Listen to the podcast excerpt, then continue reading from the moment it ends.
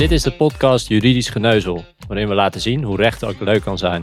Mijn naam is Hidde Bruinsma. En ik ben Niels van der Net.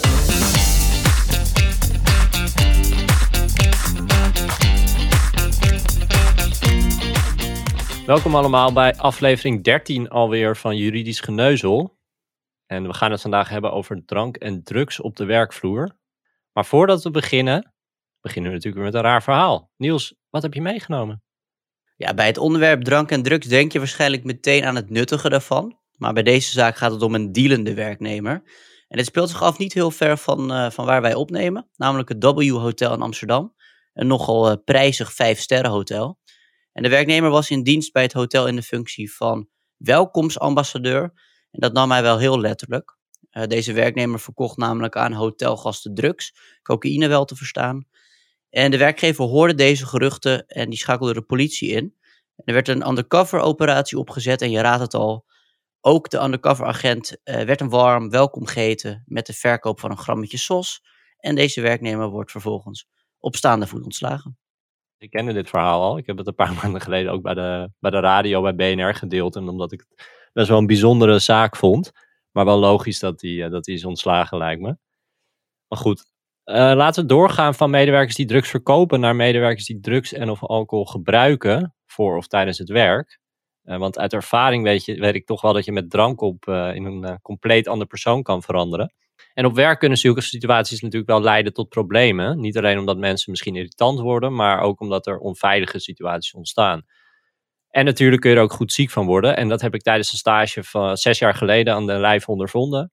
Volgens mij was ik terwijl nog met jou uit ook, tot een uur of zes, flink diep in het glaasje gekeken. En ik moest om negen uur moest ik alweer op kantoor zitten. Dus ik heb één uur geslapen. En vervolgens kwam ik op kantoor. Nou, ik heb echt de hele dag naar mijn scherm zitten kijken. Van, met de hoop dat de letters zichzelf zouden typen. Want ik was echt tot niks meer in staat. En ik denk dat het een van de langste dagen van mijn leven was. Um, maar ja. Maar als ik nou geen zin had gehad om die dag te werken, omdat ik me zo verrot voelde, had, je, had ik me dan ziek kunnen melden en had ik dan uh, recht gehad op loon? Nou, voor alle mensen die zich bij een kater ziek melden, heb ik goed nieuws. Uh, je krijgt gewoon uh, doorbetaald. Ik denk trouwens dat er maar weinig werknemers zeggen dat ze ziek zijn omdat ze te veel hebben gedronken. En vaak zullen ze toch gewoon zeggen dat ze zich niet goed voelen. Of dat ze wat last hebben van hun keel in deze tijd en dat ze zich gaan laten testen. Maar ook bij ziek zijn vanwege te veel alcohol of de welbekende dinsdagdip blijft de werknemer recht hebben op loon.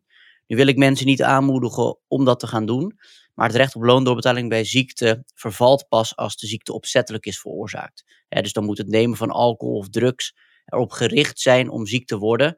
En dat is niet de reden van mensen om alcohol te drinken of uh, drugs te nemen. Nou, dit gaat dus wel meer om de situaties waarin een werknemer een keer op bijvoorbeeld donderdag te veel heeft gedronken of in het weekend dacht dat hij Tony Montana was. Maar het kan natuurlijk ook echt om verslaving gaan, waarin mensen meerdere keren per week of zelfs elke dag drank of drugs nuttigen. Maakt dat nog verschil bij het recht op loon?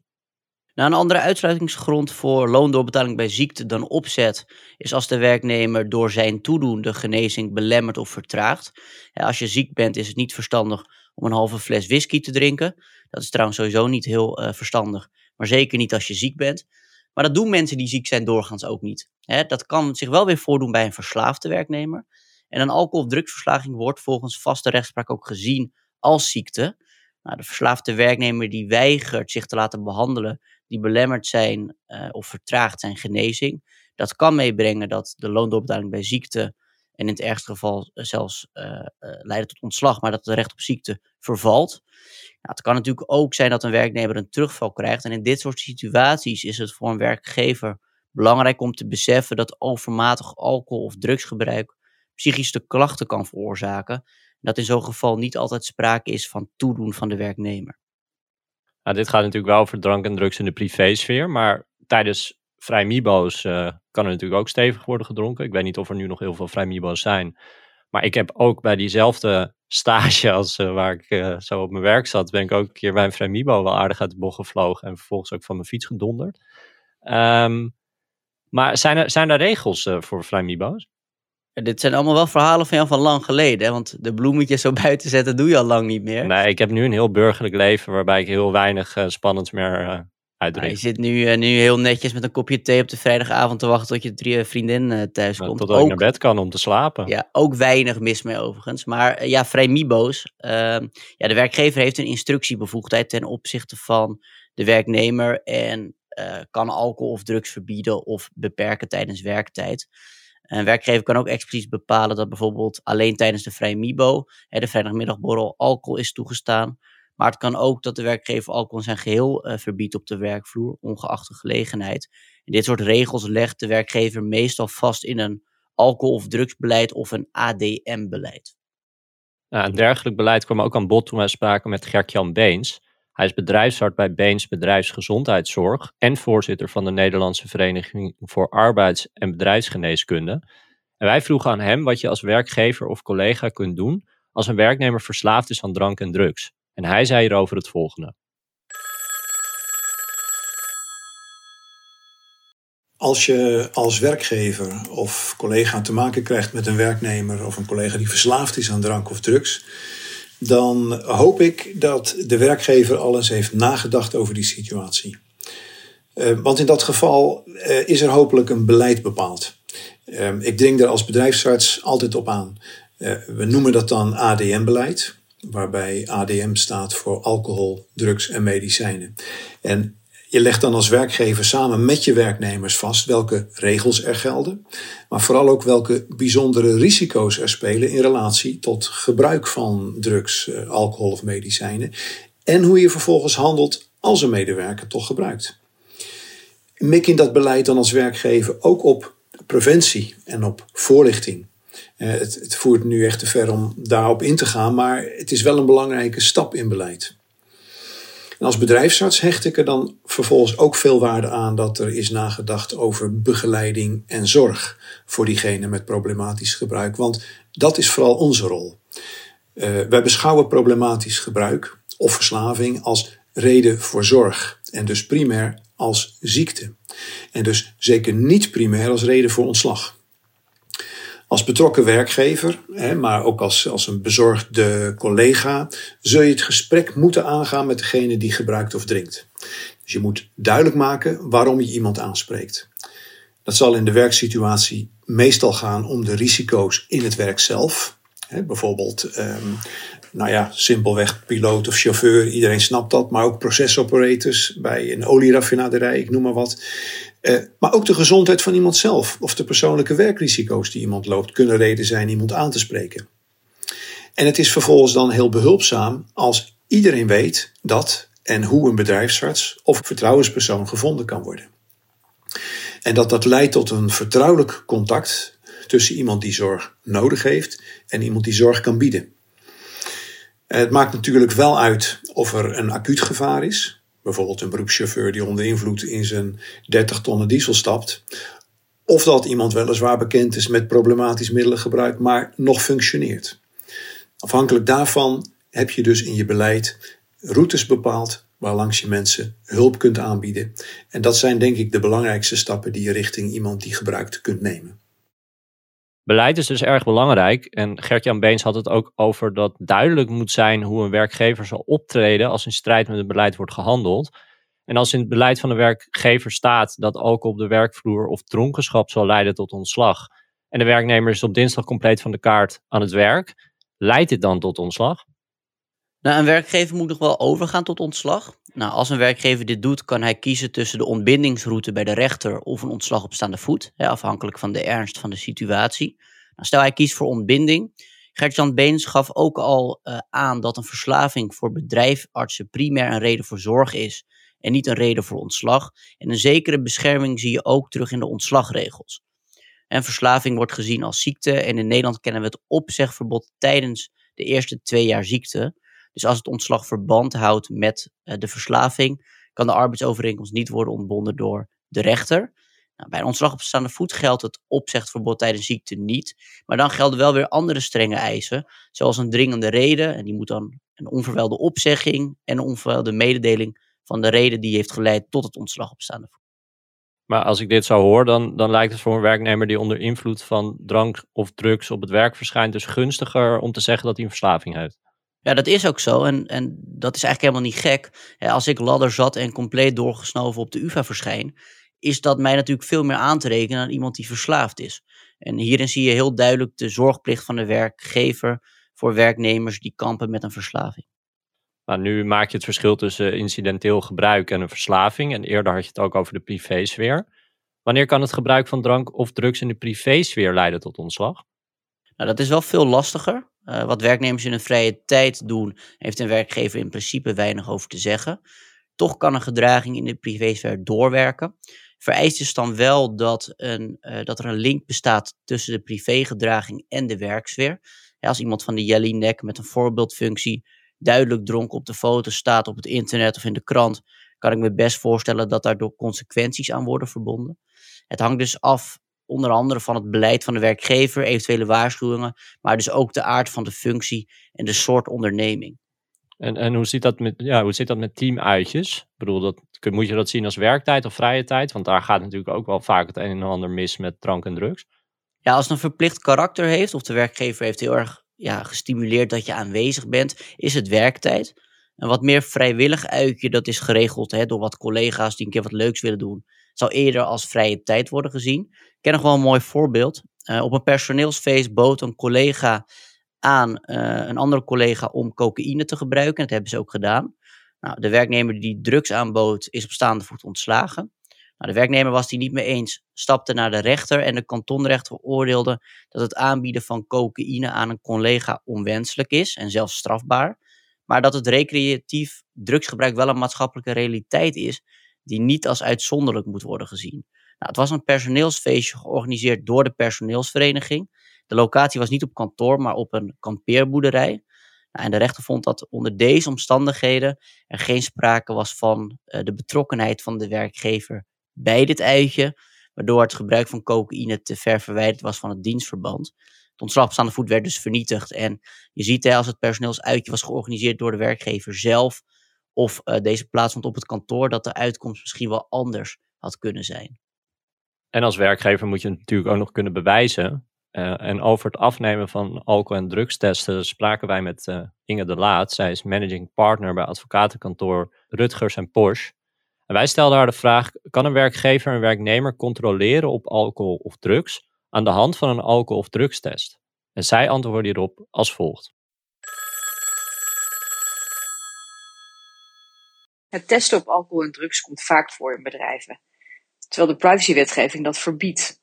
Sinds 2016 is duidelijk dat de autoriteit persoonsgegevens vindt dat het testen op alcohol en drugs door werkgevers in de meeste gevallen niet is toegestaan. En dat komt omdat bij zulke testen gezondheidsgegevens worden verwerkt. Dat is een breed begrip en gaat over alle gegevens die de geestelijke of lichamelijke gezondheid van een persoon betreffen.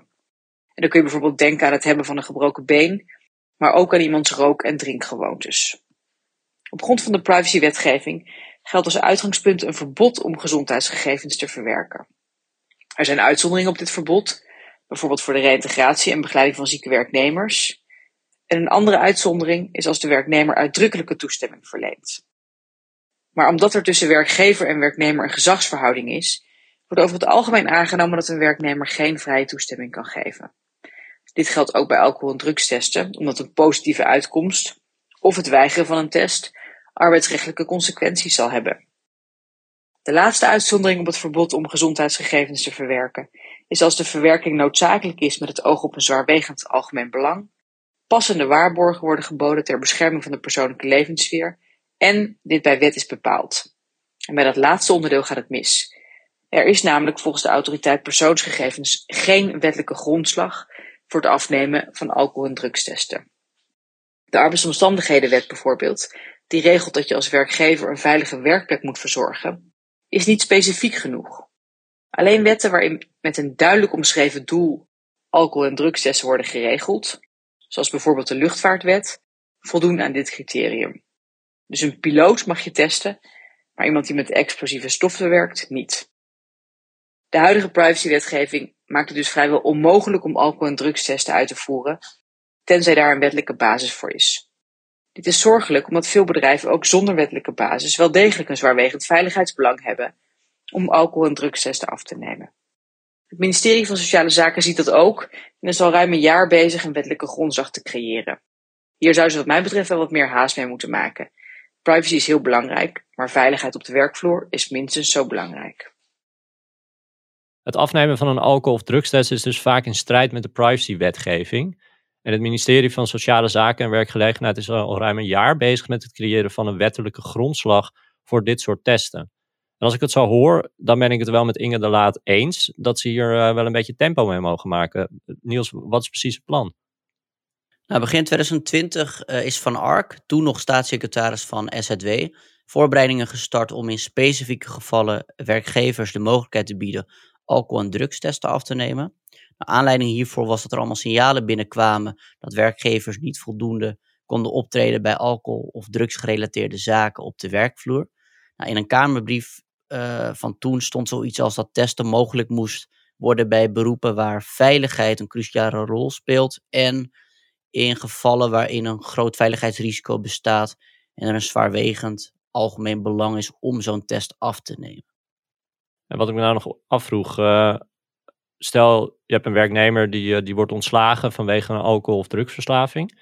Heeft die persoon dan nog recht op een uh, vergoeding of een WW-uitkering?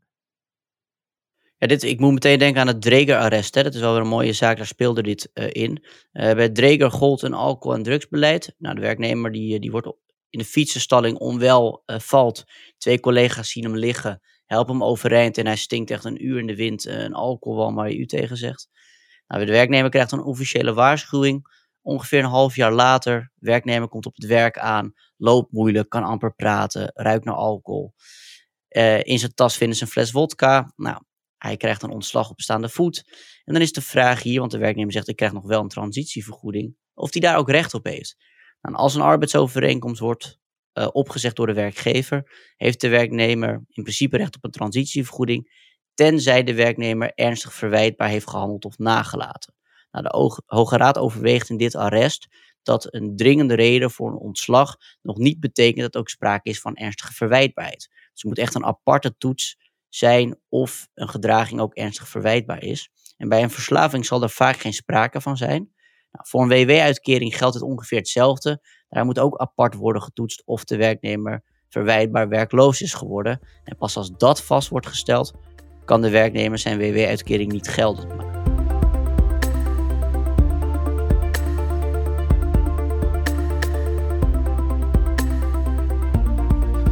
En dan nu nog even graag aandacht voor. Ja, waar ik deze keer aandacht voor wil vragen is uh, best een kwalijke zaak. Uh, Investico, dat is een platform voor onderzoeksjournalistiek, ontdekte voor de Groene Amsterdammer en Trouw dat er een drugsprobleem is onder arbeidsmigranten. En met name Oost-Europese achtergrond. En er is een steekproef gehouden. Uh, die is overigens denk ik niet lijn met de AVG. Maar daaruit bleek dat 5% onder invloed was van speed. Het gaat vooral om uh, werk in distributiecentra. En de reden dat deze migranten drugs gebruiken, is omdat de werkdruk veel te hoog is. Uh, ze moeten werken op onregelmatige tijden en ze wonen in een geïsoleerde omgeving. Nou, de psychosociale arbeidsbelasting lijkt veel te hoog te zijn. En de werkgever heeft volgens de Arbowet de plicht om deze belasting te voorkomen. Of in ieder geval uh, zoveel mogelijk te beperken. En hier moet natuurlijk gewoon snel uh, wat aan worden gedaan. En daar wilde ik aandacht voor vragen.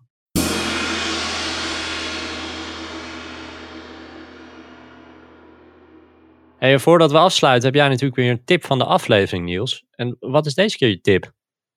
Ja, wat in dit soort gevallen, die we allemaal hebben besproken, uh, heel belangrijk is, is beleid. De werkgever moet goed beschrijven wat wel en niet is toegestaan, eventueel wat de reden daarvan is en wat de consequentie bij overtreding is. Nou, het is aan werkgevers aan te raden dat de werknemer niet één keer over dit beleid wordt geïnformeerd, maar het liefst dat hij pe periodiek hier eigenlijk op wordt gewezen. En dat kan door het onderdeel te laten uitmaken van een introductieprogramma en vervolgens weer aandacht voor te vragen via bijvoorbeeld een nieuwsbrief of tijdens een werkoverleg. Nou, als de werkgever een alcohol- of drugsbeleid invoert of aanpast, moet de werkgever hiervoor instemming vragen bij de ondernemingsraad, voor zover deze uiteraard is, uh, is ingesteld. Want dit is een, uh, een instemmingsplichtig besluit. En daarmee komen we tot het einde van deze dertiende aflevering. En ik wil graag Gert-Jan Beens en Inge de Laat bedanken voor het inbellen. En vergeet ons niet te volgen. Mocht je nou nog een uh, arbeidsrechtelijke vraag hebben, stuur dan even een mailtje naar vragen.juridischgeneuzel.nl. Bedankt voor het luisteren en graag tot de volgende keer.